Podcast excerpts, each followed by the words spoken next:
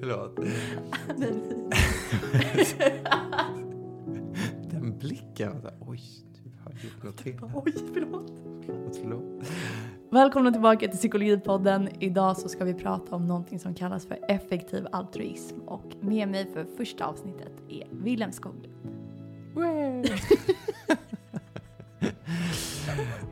Välkommen. Tack så jättemycket. Det där var ditt tillkännagivande. Det var mitt tillkännagivande. Ja, Det känns bra. För de som inte vet, vem är du? Vem är jag? Eh, Jag är en högfungerande autist. Nej, förlåt, nu ska jag vara lite seriös. Jag är 27 år, eh, född och uppvuxen i Stockholm. Eh, Jag jobbar på något som heter Nema Problema, där jag är verksamhetsansvarig. Och det är en ideell organisation som jobbar med integration. Så vi försöker göra Sverige till en lite bättre plats för alla här. Så du sa Nema Problema. Nema Problema sa jag, exakt. Mm. exakt. Och det är i och för sig inte därför du är här, men jag Nej. tycker att ert jobb är så sjukt viktigt. Så jag tänker att vi ändå börjar med att prata lite mer om vad det är ni gör där. Ja, vad fint det är. Ehm, ja, vi, som jag sa, vi jobbar med integration. eh, och det är alltså helt enkelt att försöka göra Sverige till en så bra plats som möjligt för alla som bor här. Och det försöker vi göra genom att sammanföra nya och etablerade i Sverige. Eh, så vi har mm, core business kan man säga är mentorprogram. Så att man har kommit till Sverige, man är ny här, eh, behöver lite hjälp på traven. Så parar vi ihop det med någon som har bott här lite längre. Som kan hjälpa till med allt ifrån att hitta bostad eller vad man ska välja för studieväg. Eller framförallt då kanske vilken yrkesbana man ska ta. Och sen så har vi också stora event där vi samlar människor av eh, ja, alla olika bakgrund. Så man bara får ha det lite härligt och kul tillsammans också. För man kan inte vara duktig och bäst jämt hela tiden. Men hur kommer det sig att du kom in på den banan? Alltså det är väl egentligen så här, alltid varit lite hopplös världsförbättrare och börja gräva där man står. Inte så jäkla liksom, genomtänkt, utan en sak leder till den andra. Jag pluggade juridik och eh, något som heter utvecklingsstudier på universitetet och då var det liksom ett ämne som återkom mycket på, inom båda de ämnena och det var ju så här migration och människor som rör sig över landsgränser. Och sen var jag och pluggade i USA och då var det väldigt mycket snack om mm, mexikanska immigranter då. Eh, och att, eh, de, bara, ja, vi behöver inte fördjupa oss i det, men i alla fall. Så kom jag tillbaka till Sverige och då var det precis när det hade kommit väldigt många människor här. Eh, och jag hade liksom egentligen förut varit så här liksom klimatkille och att det var min grej. Men då kände jag att det här känns ju som det är mycket bättre för mig att jobba med nu. Jag har ju liksom bra kunskaper i det här området och det känns väldigt angeläget. Så att jag, då drog jag igång med det. Och så hade jag två av mina bästa kompisar som, som redan var igång med Nema Problem. Och då kändes det så lätt att haka på där liksom. Ehm, så att, ja, lite så var det. Det är så coolt. Mm, tack. Var hittar man er? Bara kort, lite reklam innan vi rullar vidare. Åh, reklam. Eh, nemaproblema.se eller nemaproblema på Facebook. Mm. Är väl bäst skulle jag säga. Grymt. Men precis, så anledningen till att du är här är egentligen att vi ska prata om någonting som kallas för effektiv altruism. Exakt. Och eh, det är ju, som jag skulle se det i alla fall, en stor rörelse. Du bara nej. nej, nej, nej. Nej, du har missuppfattat grundkonceptet. Det stämmer mycket, mycket bra. Det är, alltså, det är ju lite svårt få huvudet runt, men jag brukar tänka på det som tre olika... Alltså, först och främst kan man väl säga att det är som ett bara svar på frågan hur kan jag använda mina resurser för att göra så stor nytta som möjligt i världen? Mm. Istället för att bara liksom göra det som kanske känns bra i magen eller det som låter som att det är bra så försöker man använda kritiskt tänkande och vetenskaplig metod för att hitta de allra, allra, allra bästa sätten att hjälpa till på. Så jag brukar säga att det är förena hjärta och hjärna. Um, om man är lite mer konkret så kan man säga att det är tre olika ben. Så att det är dels en filosofi närmast här, som frågar ja, men vad innebär det att göra gott? För det är ju inte så jävla självklart, uppenbarligen. Uh, och sen så då en mer vetenskaplig gren där man tittar då systematiskt och vetenskapligt på vad är det som faktiskt funkar? Vad gör gott och vad gör mest gott? Och, och sen så har man liksom ett globalt community kan man säga av människor och organisationer som, som använder den här filosofin och den här vetenskapen för att göra så mycket gott som möjligt. Jag vill med en gång säga att det här är ju liksom mina takes av effektiv altruism. Det är ju inte så att eh, alla kommer tycka lite olika. Så Jag sitter ju i styrelsen i Sverige så jag borde väl kunna lite i alla fall. Men, men eh, ja, du förstår vad jag menar. Det är ändå det är Ville som tycker det här liksom. Mm. Så vad menar man med effektiv? Du var inne på det kort. Ja, men, mm, jättebra fråga. Och väldigt, väldigt svår fråga. Man kan egentligen dela upp det i två stycken delar då. En så här, hur-del, hur jobbar man med olika saker, och en vad-del, alltså vad jobbar man med. Eh, och då så verkar liksom då forskningen indikera att det absolut viktigaste, det är faktiskt vad. Eh, och för att hitta liksom ämnen eller områden där man kan ha väldigt, väldigt stor påverkan så brukar man ställa tre frågor inom effektiv altruism. Och det är alltså då, hur stort är det här problemet? Hur många är det som påverkas? Hur bra skulle världen bli om vi lyckades lösa det här? Eh, och sen så, så har man, är det här lösbart då? Liksom, om, det kanske är ett jättestort problem, men om vi inte kan göra någonting åt det så blir det inte så effektivt att arbeta med det. Eh, och sen så sist men inte minst, kanske tvärtom, viktigast av allt, eh, har i alla fall varit det för mig, det är hur många är det som redan ägnar sig åt det här. Ehm, och liksom man försöker tänka lite marginalnytta, eller inte lite marginalnytta, man försöker tänka marginalnytta. Eh, Vad menar du med det? Mm, ja, jättebra. Det är lite kontraintuitivt. Så, ja, som, om vi tar ett konkret exempel för mig då. Jag var ju så här, ja, men, Um, klimat, det kändes som det jag ville hålla på med. För det är, liksom, det är dagens verkligt stora fråga. Och det tror jag inte nästan någon effektiv altruist skulle säga att så är det inte.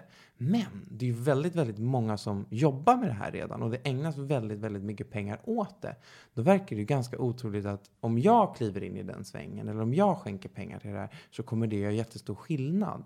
Det är liksom lite som, eh, alltså, nu blir det lite löjligt men lite förenklat, om om, ehm, om, om jag inte har en enda tröja och så köper jag en ny tröja, då är det superbra för mig, för då är jag varm på vintern. Om jag har tio tröjor och köper en ny tröja, då kanske det bara är jobbigt för att den liksom ligger där i byrålådan och tar rum. Nej, men lite så. Mm.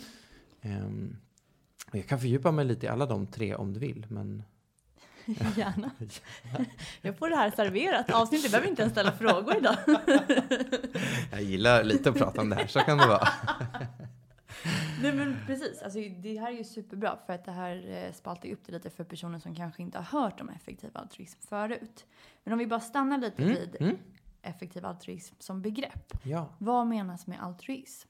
Altruism, jättebra. Alltså om man, i Sverige så blir ju ofta altruism förknippat med något så totalt självuppoffrande. Liksom att jag ska göra gott och det får inte komma mig till gagn eller det får liksom inte vara till nytta för mig. Det menar inte effektiva altruister utan det är bara det som gör gott eh, för någon. Liksom. Och där är väl igen den här som jag var inne på första frågan, hur mycket gott gör det? Eh, alltså, effektiva altruister då, eller den här communityn, har väl kanske ett litet bredare syn på vad som är altruism eller vad som är gott än många andra. Och det är dels för att man liksom sträcker ut väldigt långt i tiden. Så man, tycker inte, man tänker inte bara liksom på här och nu. Eh, utan man tänker på framtiden. Eh, och det är väl liksom, om vi bryr oss om att världen är bra för våra barn och våra barnbarn och våra barnbarnsbarn och så vidare. Då verkar det fiffigt att vi gör vårt bästa för att liksom bädda för att den världen ska bli så bra som möjligt. Och dessutom om man tittar på att liksom det vet ju du som, som är psykolog, att så preventiva åtgärder brukar vara väldigt effektiva. Det är lite fiffigare ofta att åtgärda någonting innan problemet har uppstått än efteråt. Så att säga. Så det är väl en del i det. Och sen så, så är det också det här att man försöker vara liksom eh, här, är, här är det nog kanske lite olika mellan olika personer inom effektiv altruism. Men man bryr sig om, om fler kännande varelser då, kan man säga. Så att inte bara kanske mamma, pappa och kanske inte bara de i ens eget hemland utan först och främst människor över hela jorden. Liksom. Så att ett liv i Sverige är lika mycket värt som ett liv var som helst. Liksom. Eh, och sen så är det även många som tycker att djur är väldigt viktiga att bry sig om. Eh, och då på samma sätt om man tänker att det är kännande varelser som verkar kunna uppleva smärta och då verkar det bra att vi tar hand om dem också. Och sen så lite mer flippigt då är väl att det är um, vissa som också bryr sig om om vi skapar en artificiell intelligens som kan utveckla känslor, då borde vi bry oss om det också. Eh, så så kan man säga om altruismen i det hela. Mm. Så vilka premisser bygger effektiv altruism på? För du sa någonting där med alla människors lika värde. Mm. Är det några andra saker som antas? Alltså för att man ska till exempel hålla med om det här så måste man ju också skriva under på mm. att alla människors liv är lika värda. Ja, alltså, eh, återigen här. Det är ju inte så att någon måste skriva under på någonting för att liksom, få vara en effektiv altruist. Utan man ska väl snarast tänka på det som en verktygslåda tycker jag. Eh, för att göra så mycket gott som möjligt. Men vissa grundbultar är väl just det här liksom då värdeneutralitet. Att liksom mitt liv är inte mer värt än ditt liv då så att säga.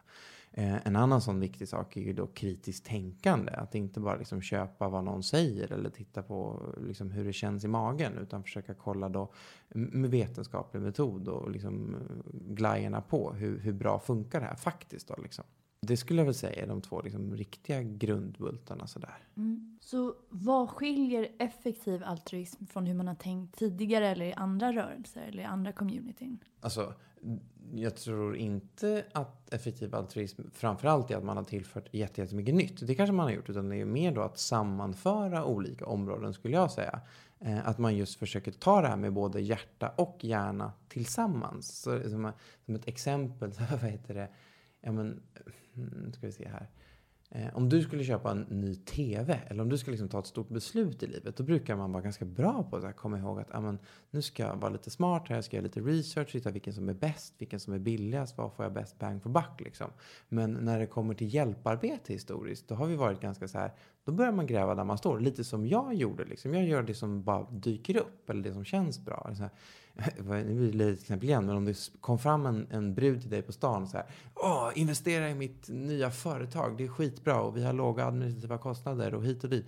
Du skulle ju inte ösa in en 500 i det. Men det är liksom det vanligaste sättet för folk att ge. Att det glider upp någon på stan och säger så här.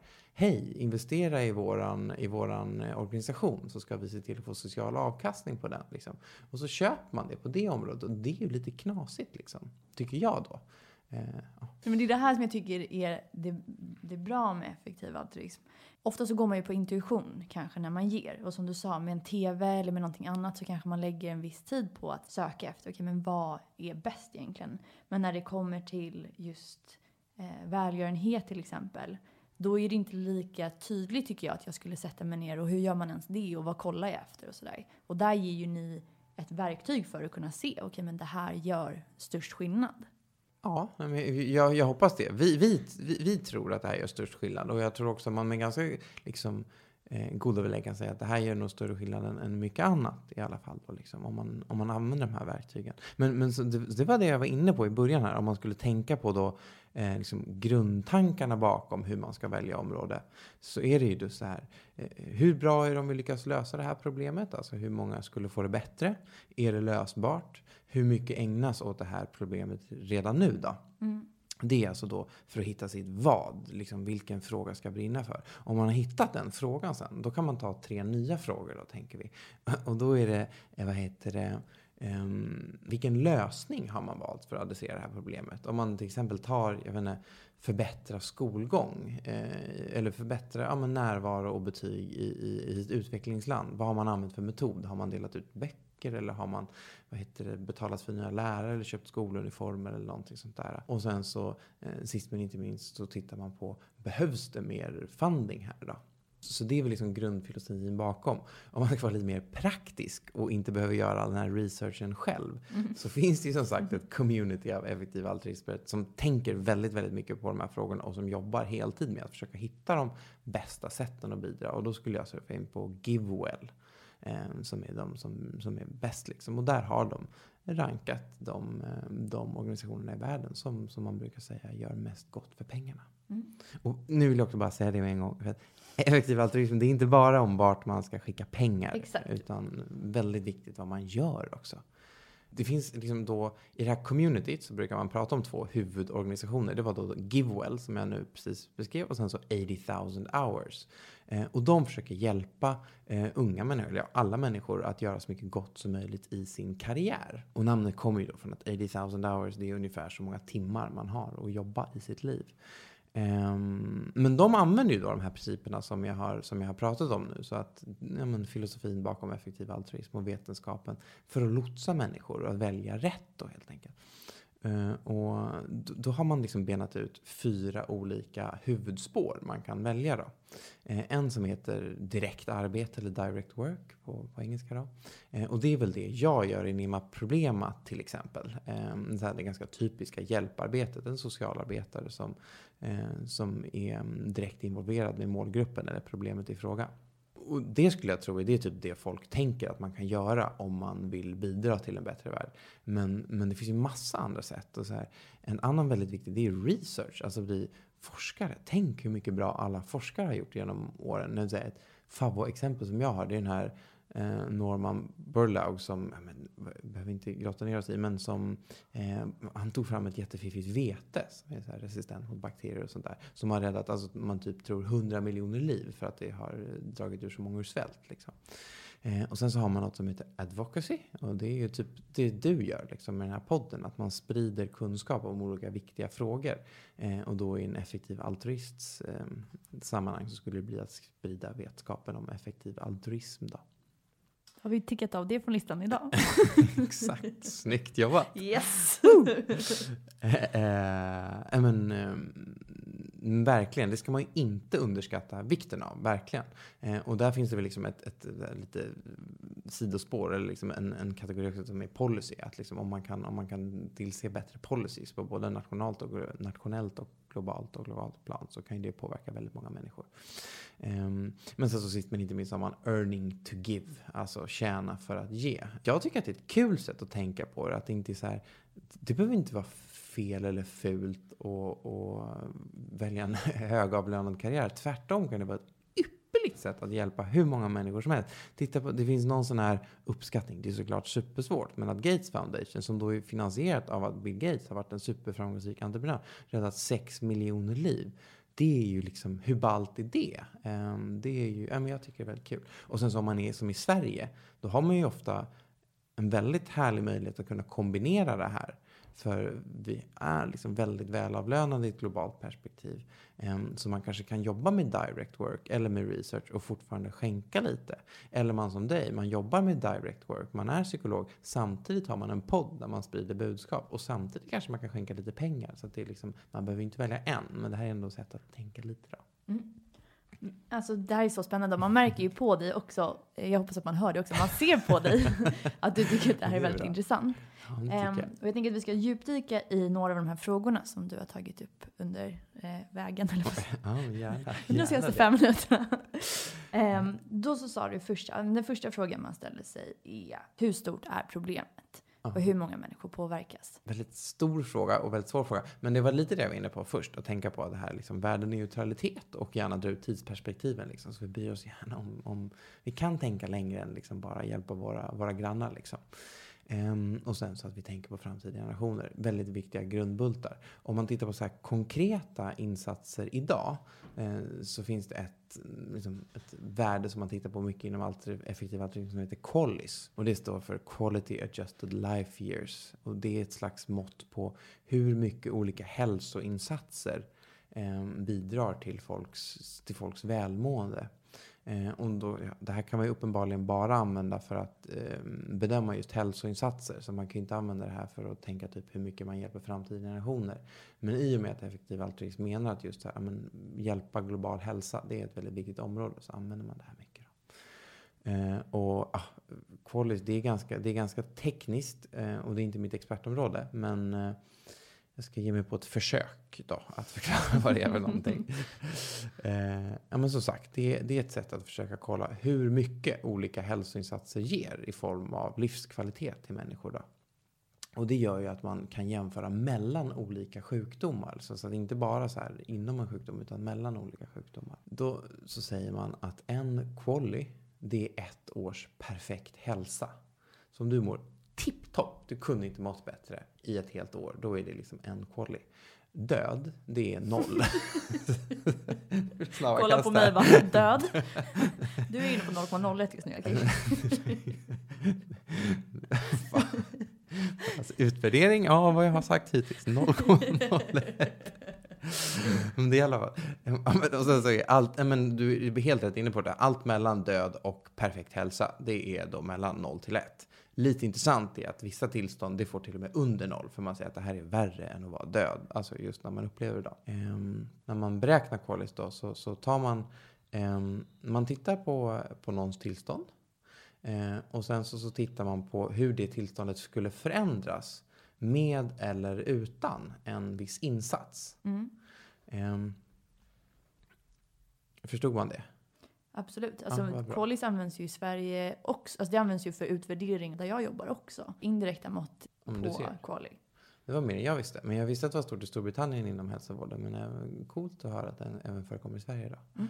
Men sen så kollar man på då olika, alla möjliga utkomster med eller utan den här eh, insatsen i fråga då. Och sen så, så tittar man på var av de, de utkomsterna, så liksom vad som händer efter insatsen.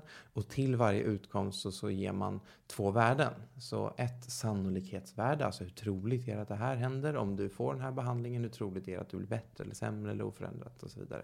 Och sen så kanske Kanske det viktigaste värdet av någon slags eh, livskvalitetevärde kan vi kalla det. Utility eh, score på engelska. Eh, och det är alltså vilken livskvalitet man skulle få givet den här insatsen. Hur bra livet skulle vara. Um, och det är såklart supersvårt att beräkna, precis som du var inne på. Um, men det finns lite olika metoder. Och nu blir det ju väldigt tekniskt här, men Ehm, de tre vanligaste, det är något som kallas time trade-offs. Ja, men då får man egentligen säga hur mycket, hur mycket eh, tid skulle man vara värd att offra för att undvika ett sämre tillstånd. Så om du får ett exempel nu så ehm, skulle du helst välja att leva Eh, åtta år med perfekt hälsa eller tio år med migrän, säger vi. Eh, och då så säger du, ja men okay, ja, men det verkar, där går min gräns, liksom, det, är lika, det är lika mycket värt för mig. Då skulle man säga att, att migrän har ett livskvalitetevärde på 0,8. Alltså 8 genom 10 helt enkelt. Då. Mm. Um, och sen så finns det ett som heter rating scales, lite enklare. Man, alltså, man frågar någon, vad skulle du liksom, på skala från 0 till 1 då? Där 0 är död och 1 är perfekt hälsa. hur, hur, mycket skulle du tycka att livet är värt när du har migrän? Mm. Och så får man säga någonting där. Eh, och sen så finns det en sista som heter Standard Gamble och det är den stökigaste av alla. Men då får man välja på ett, eh, ett läge, så vi säger migrän i det här fallet då. Så får man ta, tar man ett, en utkomst efter intervention som är mycket sämre och en som är mycket bättre. Och så säger man vad skulle du behöva för odds på de här olika för att du skulle vilja ta det gamblet. Så att antingen så kanske du väljer, ja, men, jag, vill, jag, är nöjd med migrän eh, eller jag skulle välja, jag, jag, skulle ta ett gamble mellan att dö eller att ha 80% chans att bli helt botad. Förstod man? Ja. Ah, vad bra, vad bra. Ser så förvånad det, såg, det såg inte ut som att det var den bästa förklaringen jag erbjudit någon i mitt liv. Men det, det, det, är i alla fall det är så man gör. Och sen så finns det en, en sista variant. Det är så direkta mätmetoder kallar man det. Sen finns det indirekta mätmetoder också.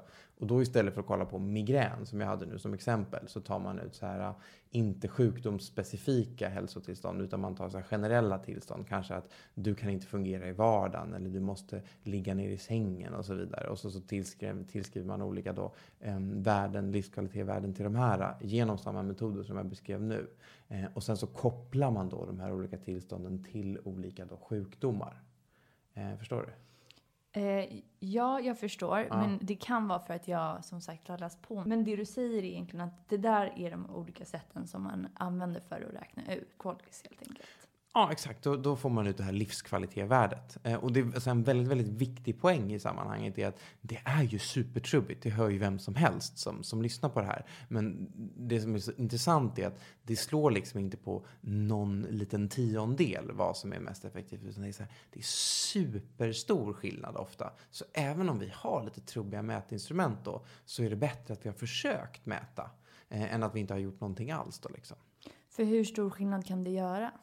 Alltså det är ju hundrafalt ofta. Eh, alltså det kan ju vara tusenfalt beroende på vad man ägnar sig åt. Och det här är alltså så här, det är en sak som effektiv altruism ofta får kritik för och som man ska vara lite försiktig med att uttala sig för mycket om. Men, men bara så här, typ exempel är att trakom i utvecklingsländer, det är en jättejobbig sjukdom som kan göra att man får jätteproblem med ögonen och sådär. Eh, och, och det gör att ja, folk blir typ blinda liksom.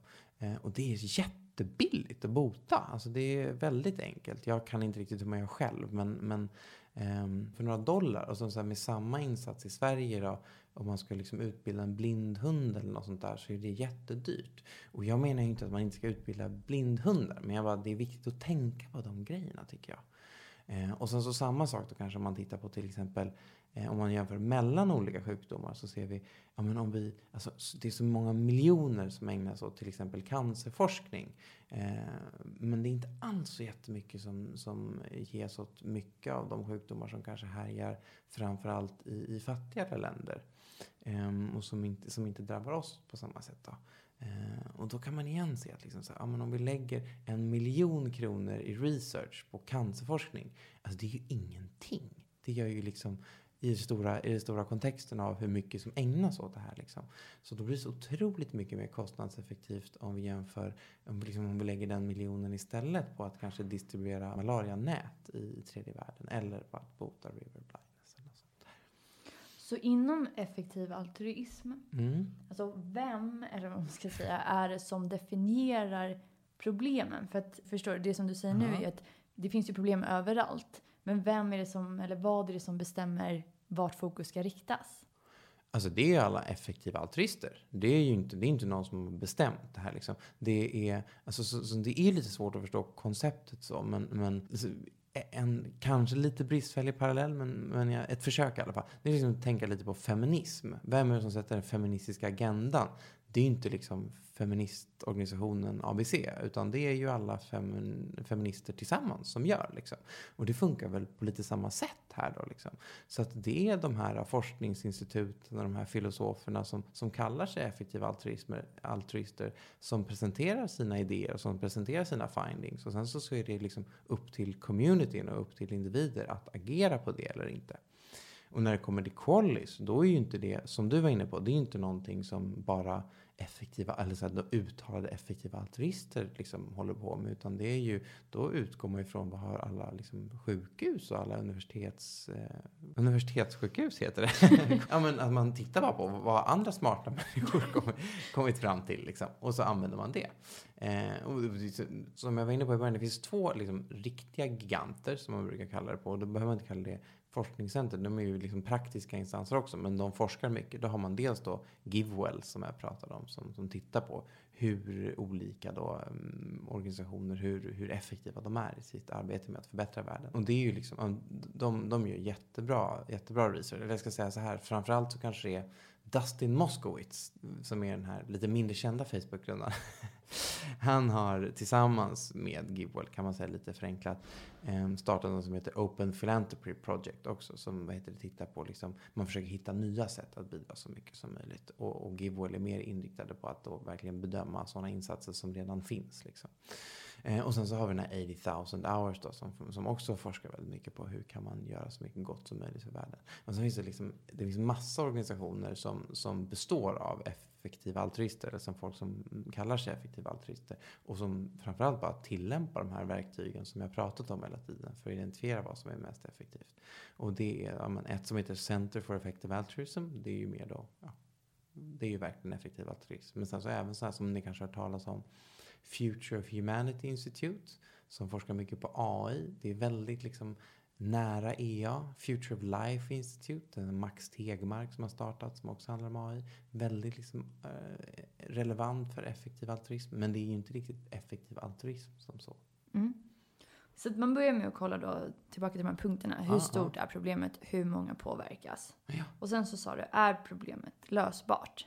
Och hur kollar man på det?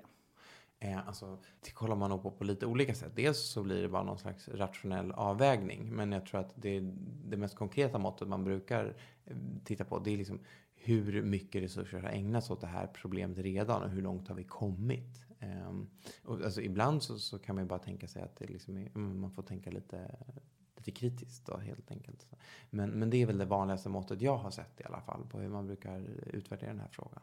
Vi säger att, att man då ser att så här, men det här är faktiskt lösbart, till exempel som du sa med malaria, myggnäten. Ja. Då går man vidare till nästa fråga som du sa, hur många jobbar redan med det här? Hur många jobbar med det eller hur, hur liksom, eh, förbisett är det här området? Man säger neglectedness heter det på, på engelska. Liksom. Och eh, det skulle jag säga, det är så här, kanske den viktigaste frågan tycker jag. Eh, och om, alltså, om jag fick bara trycka på en knapp så att alla i världen lärde sig någonting eller kunde något så är det typ att man skulle börja tänka mer i alternativkostnader och marginalnytta. Alltså just hur mycket gör, hur stor skillnad kan jag göra här?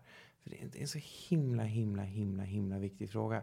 Igen det här exemplet jag sa förut. Alltså, alltså jag håller med tusen miljoner miljarders gånger om att klimatförändring är jätteviktigt att, att, vi, att vi får bukt med. Liksom. Men när det är så många smarta människor som håller på med det här, hur troligt är det att lilla Ville kommer att kunna bidra? Liksom? Inte så jäkla troligt. Och sen så har vi samtidigt massa andra viktiga frågor som det inte det är typ ingen som bryr sig om det. Då kanske det är fiffigt att jag tittar på det då. Liksom. Mm. Jag tror verkligen att det är liksom någonting som skulle kunna göra världen mycket bättre om, om fler började tänka så. Liksom. Och jag är ju väldigt ny för det här också, så jag menar inget, inget annat. Liksom. Det tycker jag också är intressant med marginalnytta. För att rent intuitivt när du pratar om det här så känns det ju så självklart att så här, nej, men det kanske är klart att om det finns någon annan som kan göra det här bättre eller minst lika bra som jag, då är det klart att någon annan kanske ska göra det och jag ska fokusera på någonting som jag kanske är bra på som ingen annan är bra på. Nu lät det här asoskönt. det var inte så jag menade. Eller jo, det var så jag menade. Nej, men, men, men eller hur? Alltså, precis där, alltså, en jättebra fråga att ställa sig. Vad hade hänt om inte jag gjorde det här? Och nu blir det lite elakt exempel då. Men, och det här görs ju relevant för mig också. Så att jag vill liksom inte peka finger på någon. Men, men som om man blir, jag tror att jättemånga som går psykologlinjen tänker, jag vill, jag vill rädda, jag vill hjälpa människor. Jag vill, jag vill hjälpa till. Men vad händer om jag inte hade sökt in här? Ja, det är ju väldigt höga intag. Det är ju långa köer för folk som vill komma in på psykologlinjen för att hjälpa människor. Om jag inte hade kommit in här, då är det ju någon annan som hade tagit min plats. Min marginalnytta består alltså i hur mycket bättre jag är än den som tar min plats istället. Och det kanske inte är sådär jätte jättemycket. Liksom. Man kanske är superduktig och, och då är det ju bra såklart. Liksom. Men, men det kanske inte är någon där, det är inte riktigt det där som man tänker, den här direkta avkastning som man kanske tänker på i första hand. Så här, hur många människor hjälper jag genom åren? Ja, det kanske är många, men, men de hade nog hjälpts i alla fall. Får man misstänka. I alla mm. fall mm. många av dem. Mm, verkligen. Och jag tänker att det är det som är så himla kul med EA. Jäklar, in i gänget. EA, ja men det kallas det. Jag sitter lite på McAskey, lite sådär han verkar ju så extremt sympatisk. Um, alltså det jag tycker är kul med EA är ju att det kanske inte är så som jag vanligtvis skulle tänka på altruism eller kanske välgörenhet eller hur kan jag påverka jag vet inte, det är någonting med det som jag fastnar för, för det är som att liksom valet av valuta blir så mycket större. Alltså det handlar inte bara om så här, kan jag ge pengar? För att då kanske många känner att jag har inte råd med det just nu. Okej, men hur kan man då tänka? Då är det ju inte det eller inget, utan då är det så här, ja ah, men shit, du skulle kunna börja jobba som ekonom som man kanske spontant tänker sig, men gud, att jag ska tjäna så mycket pengar som möjligt. Det är inte något så här ändamål som jag vill jobba mot. Men om man då går in med EA-ögonen och tänker, okej, okay, men jag tjänar för att ge till andra. Alltså förstår du? Mm, nej men jag håller helt med. Det är en av de sakerna jag gillar absolut mest också. Alltså det här, dels det du var inne på i början, att man så här, eh, vågar tänka lite nytt och liksom inte bara köra på i ullstrumporna som man alltid har gjort. Liksom, utan verkligen verkligen anstränga sig för att göra det så bra som möjligt. Och inte minst då, som du säger, att det finns så mycket olika sätt att bidra på. Liksom.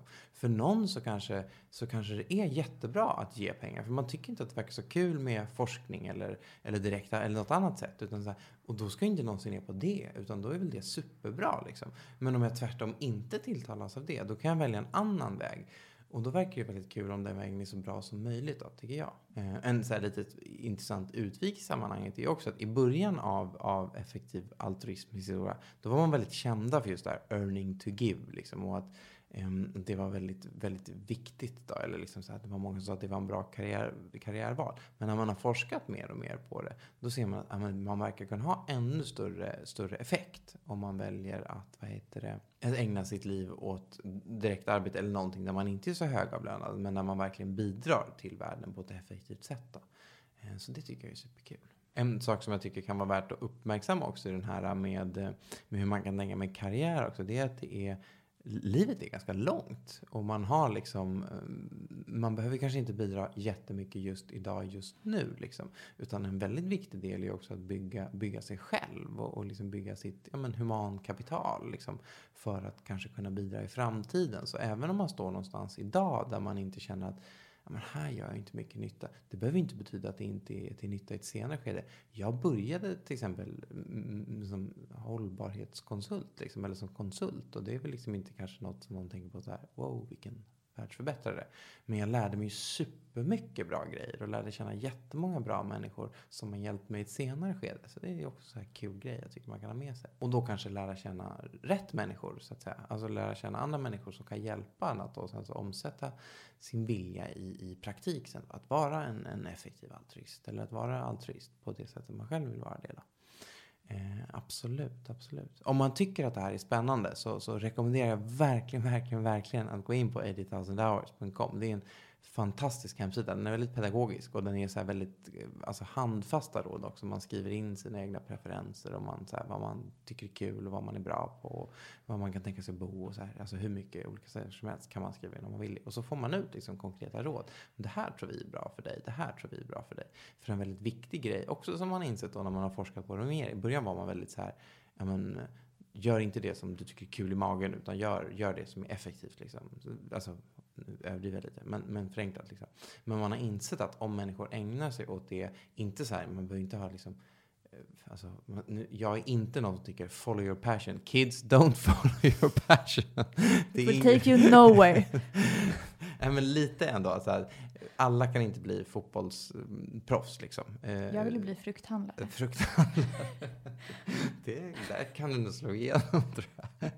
Nej, men att ägna sig åt någonting man faktiskt är intresserad av. Liksom. Att, vara, att vara öppen för det är, ganska, det är ganska rörligt. Det är inte så att det här barndomsdrömmen är det enda som häger, utan man kan bli intresserad av mycket. Men att hitta någonting man faktiskt, faktiskt vill göra, det är väldigt viktigt. Liksom. Och om man gör det så kommer man kunna ha väldigt mycket större eh, effekt i framtiden. Då, liksom. Jag tänker att om man aldrig har hört om effektiv altruism så kanske man mm. nu känner sig lite lätt så här, eh, översköljd av information och eh, olika frågor och utgångspunkter som man använder sig av. Alltså det, det blir så himla stort. Mm. Så vad är ett första steg där utöver att gå in på de här hemsidorna? Eller är det att gå in på de här hemsidorna? Det beror lite på vad man är ute efter. Om man, om man tycker att det här låter intressant och vill lära sig mer så, så skulle jag säga att det är ett ypperligt första steg. Liksom. Det finns en bok som heter Doing Good Better som är väldigt så här men den är väldigt rolig och eh, rolig, det är väl typ bara jag i hela världen som tycker, men den är väldigt bara, tillgänglig. Nej men den är jättevälskriven och som, som är skriven av en av liksom, eh, förgrundsgestalterna inom effektiv altruism. Eh, den finns som ljudbok på Storytel. Väldigt lyssningsbar också kan jag säga. Vad heter det? Och, och om man så här, känner mer att så här, men jag, det är inte så mycket att jag vill lära mig mer utan kanske mer att jag vill agera eh, på det här. Då, då, skulle jag ju säga att så här, kom på lite på några events med Effektiv Altruism Sverige. För då hittar man liksom ett community med folk som, som brinner för det här och som kan prata mer om det. Kontakta mig, alltså prata med folk som, som håller på med det här. Um, det, det, brukar vara det bästa sättet för mig i alla fall. Att liksom få rumpan ur ibland och, liksom, och tycka att det är kul istället för att kännas jobbigt. Mm. Jag brukar bara försöka tänka på det och det är det som får mig att här, känna mycket energi i det här. Istället för att liksom gå på någon här lite, som jag uppfattar nu, är här lite pliktkänslan. Eller så här, jag borde göra någonting. Och så bara, att försöka flippa det på sitt huvud och bara tänka på, på möjligheterna som finns. Och, alltså, nu låter jag som världens största lök, men alltså, det som är så otroligt ballt och det som gör att jag tror att Alltså det som gör att jag ägnar mig åt det här och som gör att jag tror att fler ska få upp ögonen för effektiv altruism, det är ju om fler visste hur stor skillnad man kan göra. Ganska enkelt. Så, så tror jag att det skulle bli så mycket lättare. Det skulle bli så mycket mer så här, eh, jag vet inte, glädjedrivet. Alltså så här, eh, det är jättetöntigt. Men jag har ett tankeexperiment för mig själv ibland. Så här, om, om jag, om en gång om året så går jag förbi ett brinnande hus och kan springa in där och rädda en bebis liksom. Det är ju helt sjukt. Det låter ju sväll, alltså smällballt. Alltså jag skulle ju vara kingen i Stockholm om det var så. Men genom att jag har ett ganska vanligt svennebananjobb där jag har bestämt mig för att donera en del av min inkomst eh, så kan jag liksom i praktiken rädda lika många människor. Och det, det tycker jag är, liksom, det är en helt hisnande tanke.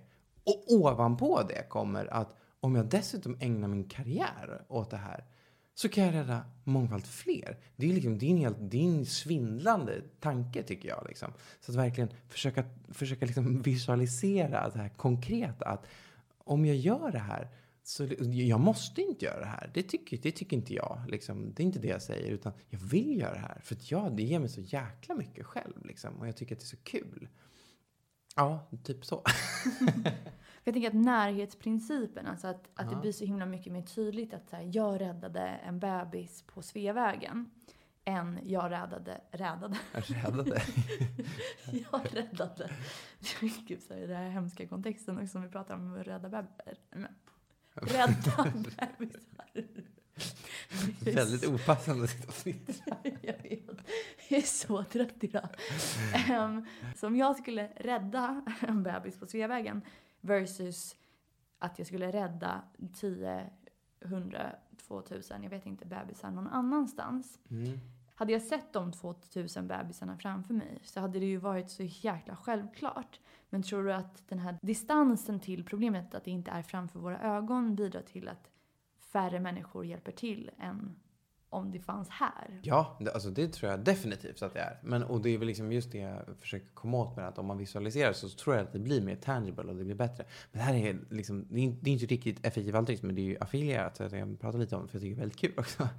Eh, men just det här liksom de, eh, nej men, många psykologer som lyssnar på det här misstänker jag. Och att det är så då, eh, har ju inte undgått någon den här då kritiken som har kommit mot homo economicus eller den superrationella människan som alltid fattar rationella beslut. Så är det inte riktigt. Vi är människor som styrs av lite olika grunkor liksom. Och det gör sig gällande inte minst på liksom området för välgörenhetsarbete eller för, för välgörande insatser. Och det, alltså det finns supermycket intressanta experiment här, men en sak som du var inne på just nu, det är ju den här identifiable victim effect kallas det. Och, och, det är just att vi människor verkar vara väldigt liksom, mer benägna att ge till någonting där vi ser konkret vad det är som händer. Så, um, det finns ett alltså, grundexperimentet på det här området. Eh, förklarar ganska bra tycker jag.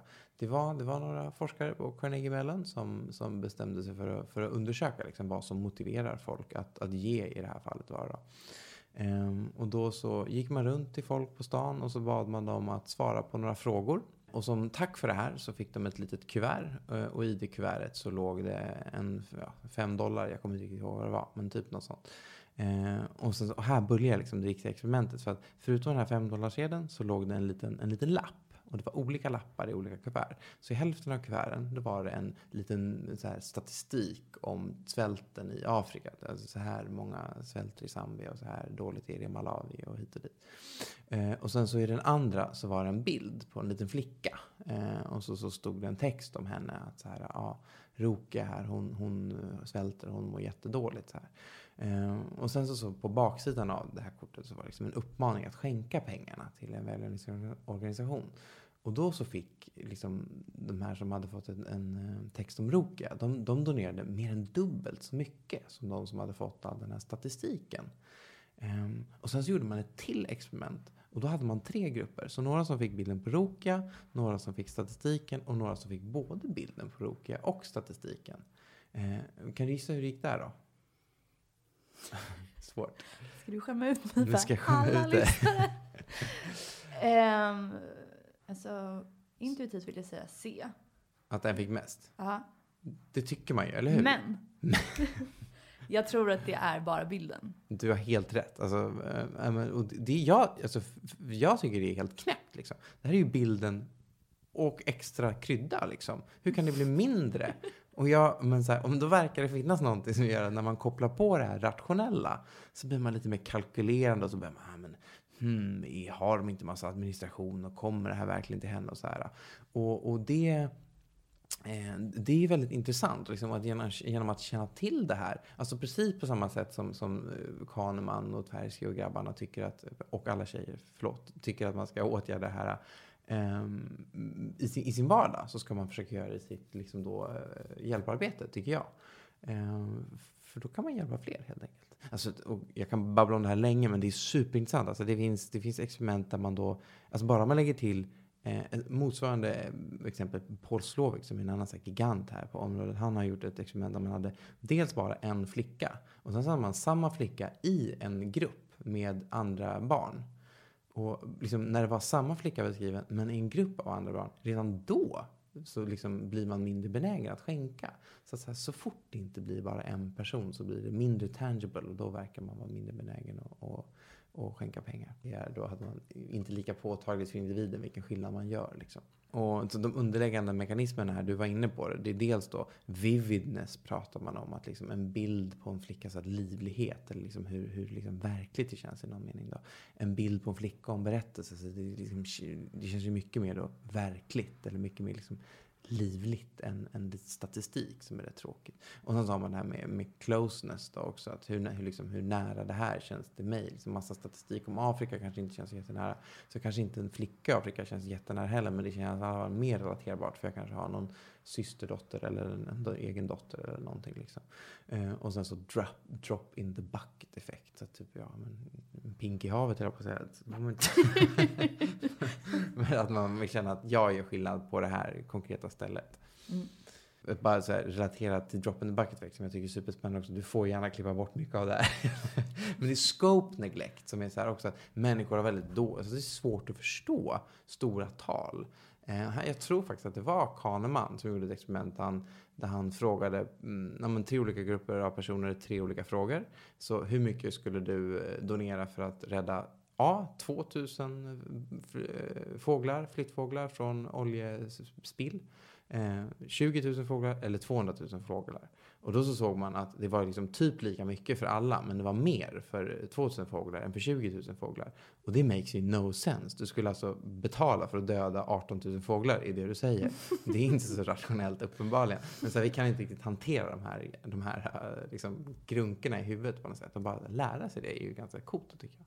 Verkligen. Men vad tänker du mer står i vägen för givande idag? Utöver de här liksom, psykologiska principerna som man har hittat inom forskningen? Eh, oj, vilken bra fråga. Om jag hade svaret på det så. Eh, alltså jag tror att det är lite, lite okunskap ibland och kanske inte det här som jag var inne på förut. Man vet inte riktigt hur stor skillnad man faktiskt kan göra. Jag, jag tror att det kan vara, vara en sån grej. Eh, och sen så om jag ska bli då lite, lite, jag vet inte. Det här är ju långt ifrån mitt expertområde, men om man blir lite mer så här Eh, Eh, meta eller någonting så kanske att, att det inte är någonting som premieras jättemycket i samtiden. Att man pågår i ganska många olika, många olika konstellationer där kanske inte det här är det man pratar absolut mest om utan det blir mer ja, men lite så här, man pratar om andra saker. Och då är det inte så konstigt att man inte håller på med det här tänker jag. Men det är ju som, det är världens bästa råd jag någonsin har fått av någon så här som inte är i mitt liv. William Woodsworth. alltså jag är så nördig. Världens bästa råd som jag har fått av en människa som inte har någon aning om vem jag är. ja, men jag, har fått bättre råd av vänner och mamma och pappa och sådär. Men när man har läst någonting liksom. Fan också. Men åter till saken. Han, han är en to begin, begin. Att det är så jävla lökigt. Men det är ju så. Alltså bara börja. Och så börja göra lite granna. Och så när man väl har börjat lite granna. Då kan man utmana sig själv och göra lite mer och göra lite mer och göra lite mer. Det var precis så jag började med att ge. Jag, så här, jag ska ge en procent av det jag tjänar varje år. Och sen har jag försökt skruva upp det lite grann hela tiden. Liksom. För då blir det mycket lättare att här, gå från 0 till 100. Det kanske är lite svårt. Liksom. Men att så här, sakta men säkert ease into it är ett ganska bra sätt. Det har det varit för mig i alla fall. Och hur har du gjort då? Är det så att du har gjort någon typ av autogiro att du inte ens behöver tänka på det? Eller är det så att du väljer alltså KAS varje år? Eh, nej, exakt. Jag, har ju, jag gör ju på autogiro det dras så att jag behöver, liksom inte, jag behöver inte se att de pengarna försvinner liksom, om jag inte vill det. Men sen så tycker jag om att Alltså, det är för att jag är som jag är, men jag tycker om att tänka på det. För jag tänker, ja, men jag gör ändå, det här, jag gör ju bra grejer här liksom.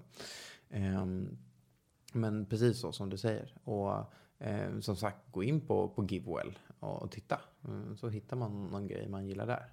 Och det, här finns det liksom inte, det finns ju olika saker man kan ge till. Och det finns ju inte så att det är någon att effektiv altruism tycker att det finns en så här rätt och fel att man bara ska ge till en sak eller en annan sak. Utan bara försöka ge effektivt liksom.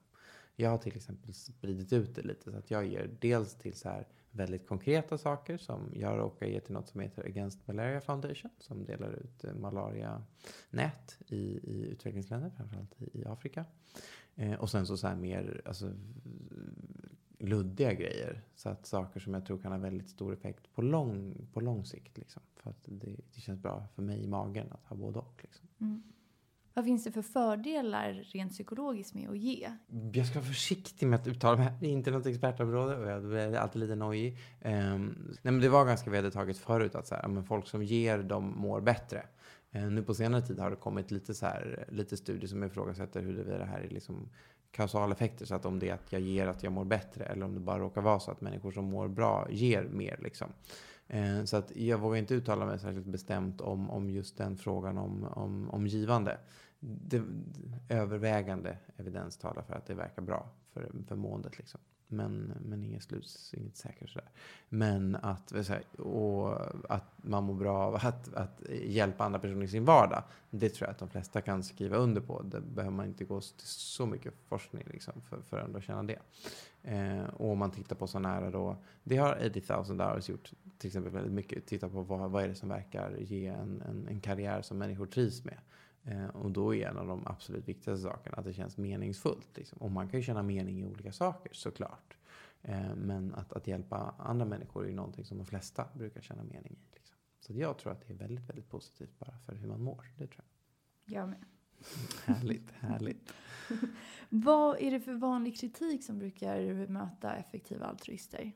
Eh, ja, det är Ehm, det är en hel del kritik. Viss som jag tycker är mindre berättigad och viss som är mer berättigad. Det vanligaste som jag brukar höra det är typ så här att det är kallt. Liksom. Att man väljer bort saker. Ehm, så här, men då gör du inte det här. Och det är då jag menar att man alltid måste komma ihåg alternativkostnaden. Liksom. Um, även om du säger att här, du, du, väljer bort, man väljer ju alltid bort saker. Om du ger dina pengar till ett ställe istället för ett annat ställe utan att liksom förklara varför så har du fortfarande valt bort det andra stället. Så, hur eller hur gör man ett val? Och då tycker jag att det verkar bättre att göra liksom ett medvetet val och titta verkligen på vad, hur, hur gör jag det bästa valet här. Men det är en sån sak man ofta får, får liksom då eh, kritik för. Att man väljer bort saker och säger att det skulle vara ovärdigt. Och det är inte det någon säger. Menar, alltså jag tror att det är väldigt få effektiva alternativ att allt som gör gott är ju bra. Det är bara att jag råkar vilja göra så mycket gott som möjligt. Då tror jag på de här principerna för att göra det. Liksom. Det har jag ju sagt till vänner, i, liksom, människor i min närhet. Då, liksom, man kanske inte ska ge pengarna till, till så här ett väldigt vanligt exempel är så här om det har hänt en stor katastrof någonstans. Du kanske inte ska ge de här tusen kronorna till, ehm, till eh, efter Fukushima till Japan. Liksom, utan du kanske ska ge dem till, ehm, till Against Malaria Foundation. För att kolla här, Röda Korset i Japan säger faktiskt att vi kan inte hantera fler donationer. Vi har mer pengar än vi behöver. Ge de här någon annanstans. Och det låter ju liksom ganska hårt. Vadå, ska man inte ge pengar till, till dem i eh, till dem i Japan. Och då menar jag att liksom, om du ger pengar till dem i Japan, då säger du att nu ger jag inte pengar till Against Malaria Foundation. Så det är lite det jag menar. En annan så här vanlig krig som, som eh, då blir mer som jag har lite svårare att bemöta. Nu, nu, nu ger bästa, bästa, bästa pudret här, eller vad säger Nej, men bästa motorn. Nej, men det är så här att det blir, det blir liksom överrationellt kanske. Att det känns liksom som att man, man blir omänsklig i någon mening. Då. Alltså ett tankeexperiment skulle vara om, om, om Wille Skoglund som säger att han är effektiv altruism. Jag, jag springer in i det där brinnande huset där barnet ligger. Och så ligger barnet i spjälsängen. Men ovanför sängen så ser jag en jag vet inte, da Vinci-tavla. Eh, som jag vet att jag kan sälja för hur många miljoner som helst. Liksom. Och jag kan, bara, jag kan bara bära en av dem för det är en jättestor tavla. då, då tar jag tavlan och springer ut. Liksom. För då kan jag rädda massa, massa barn genom malaria, eh, myggnät eller något sånt där. Eh, och, och, det känns ju inte rätt i magen. Det håller jag ju med om. Liksom. Eh, men, men det är ju som tur är ganska sällan man hamnar i sådana situationer. Men ändå, liksom den, det, det tankeexperimentet säger väl någonting. Att man får vara försiktig med att bli för, för rationell också. Då, så att säga. Alltså å ena sidan så kan jag förstå den biten. För att det handlar ju om att effektivisera och då krävs det ju såklart kritiskt etiskt tänkande och att man ifrågasätter och att man är rationell och att man räknar och allt det där. Samtidigt, jag hoppas inte det kommer låta in. Riktigt jobbigt avsnitt. Å andra sidan så tänker jag att det är... Att... Tajmade du verkligen där? Jag pratar fort som fan. jag får bara hoppas att det inte hörs. Nej men å andra sidan så tänker jag att det inte alls bara är för rationellt utan att man också kan använda sig av känslor. Därför att om det inte var så att du kände att någonting var orättvist, att någonting skavde, att det var någonting fel i världen, då skulle du ju aldrig engagera dig från början. Eh, nej men verkligen, alltså så här, det är ju väldigt, som sagt, jag känner mig inte alls kall i det här. Jag känner mig väldigt, väldigt varm. Jag tycker att det här, det ger mig otroligt mycket och det känns jättebra i magen liksom. Och just det här jag beskrivit om vetskapen om hur stor skillnad jag faktiskt kan göra. Det är en otroligt härlig känsla liksom. Eh, så att men jag håller med. Och då tycker jag också att det finns ett element av att det liksom bara emotionellt känns bra. Att jag tar det här på allvar. Att jag inte bara gör någonting hux flux utan att jag gör det på absolut bästa sätt då liksom. Eh, och det här råkar vara bästa sättet för mig och jag tror att det är ett bra sätt för många. Liksom. Och sen så en annan vanlig grej som, som då, det är i alla fall den kritiken jag får oftast, eller kritik, men så här, det som ifrågasätts mest, det är att man bryr sig mycket om djur. Eh, så här, men varför ska vi hålla på och bry oss om djur när det finns så många människor som har det dåligt? Eh, för djur involveras också. Vi har ju knappt pratat om dem. Nej, men, men då kan jag ju ta, ta tillfället i akt liksom, att göra det. Och det, som jag sa i början, det är inte så att alla, alla inom effektiv turism tänker likadant. Liksom. Jag kan bara tala för mig själv liksom, och de slutsatser jag har nått. Men, men, men jag tycker att man borde tänka på djur. Um, grundtanken då är ju liksom att det verkar som att vi människor genom historien har börjat bry oss om allt större grupper. Man kanske börjar med att mest bry sig om sig själv, och sen familjen, och sen så stammen, och sen så samhället, och så landet och så vidare. Och så vidare. Dessutom så verkar vi liksom tillskriva rättigheter, liksom moraliskt värde eller någonting till fler och fler olika grupper. Så liksom först kanske eh, men, privilegierade män och sen så eh, alla män och sen så privilegierade män och eh, några kvinnor och sen så alla män och kvinnor och så nu även barn och så liksom kanske husdjur i någon mening också. Sådär. Ehm, då verkar det liksom ändå inte helt orimligt att vi kommer och att vi kanske redan nu borde försöka inkludera alla kännande varelser. Liksom. Ehm, för som sagt, det mesta forskningen tyder på att djur, de, de är medvetna eh, och de, de, kan känna smärta. Och jag tror att de flesta som har ett husdjur skulle skriva under på det också. Liksom. Um, så tycker jag bara att det verkar liksom fiffigt att ta hand om dem. För att det är så otroligt, just det här vi pratade om förut med liksom neglektet, förbisett. Det finns ju liksom, kommer inte ihåg exakt hur många det är, men jag tror att det är så här, ja, över två miljarder eh, djur som slaktas varje år.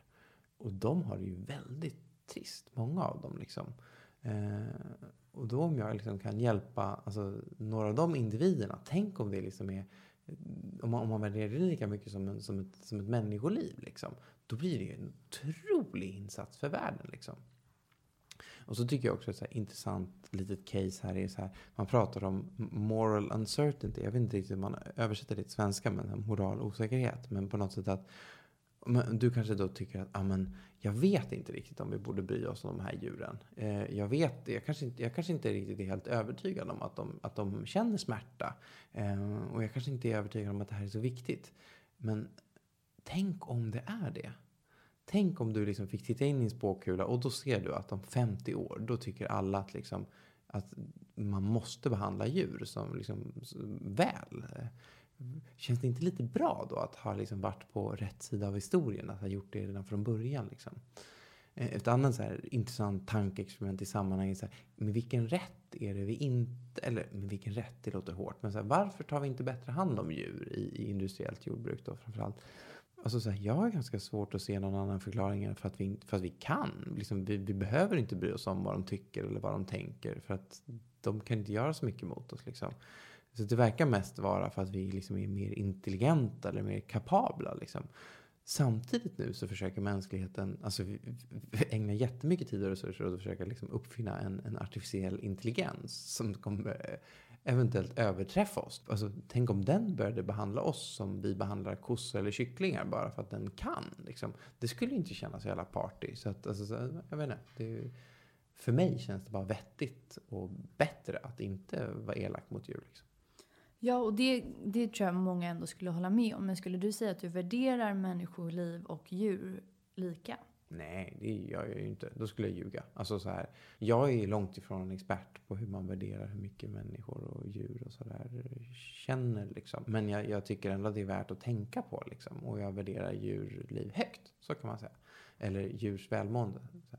En, en viktig poäng som jag bara, och nu, nu blir jag en sån här tråkig då, som väljer bort någonting. Mm. Men det är just att om man tänker på djur också så de flesta som, som brinner för djurfrågor idag, kanske framförallt så här, men att man inte vill att delfiner ska jagas. Liksom, eller att man inte vill att, att det ska finnas djur på cirkus. Eller att man, så här shelter dogs och sådär. Och det är ju jättefint och jättevärdigt. Men jag, alltså man kan hjälpa väldigt, väldigt, väldigt många fler djur om man kollar på industriellt jordbruk.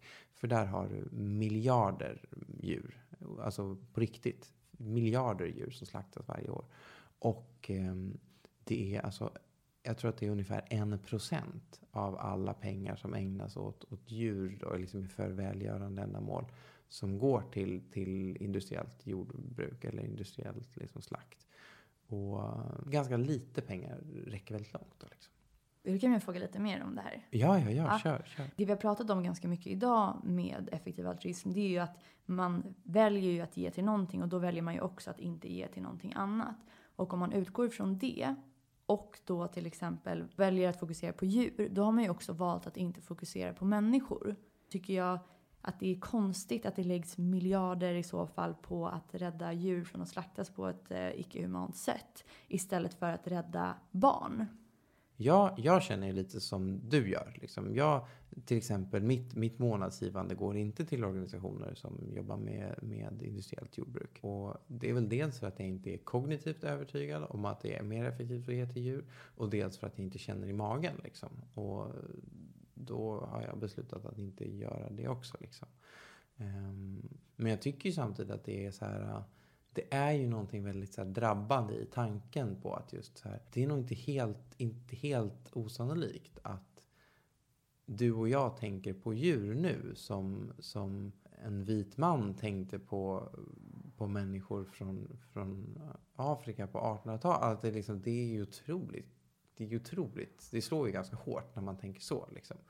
Eh, och då tänker man på att ja, men då är ju alla kycklingar, det är ju, det är ju barn då liksom. Så jag, jag vet inte. Jag har inga bra svar. jag tänker också mycket på det.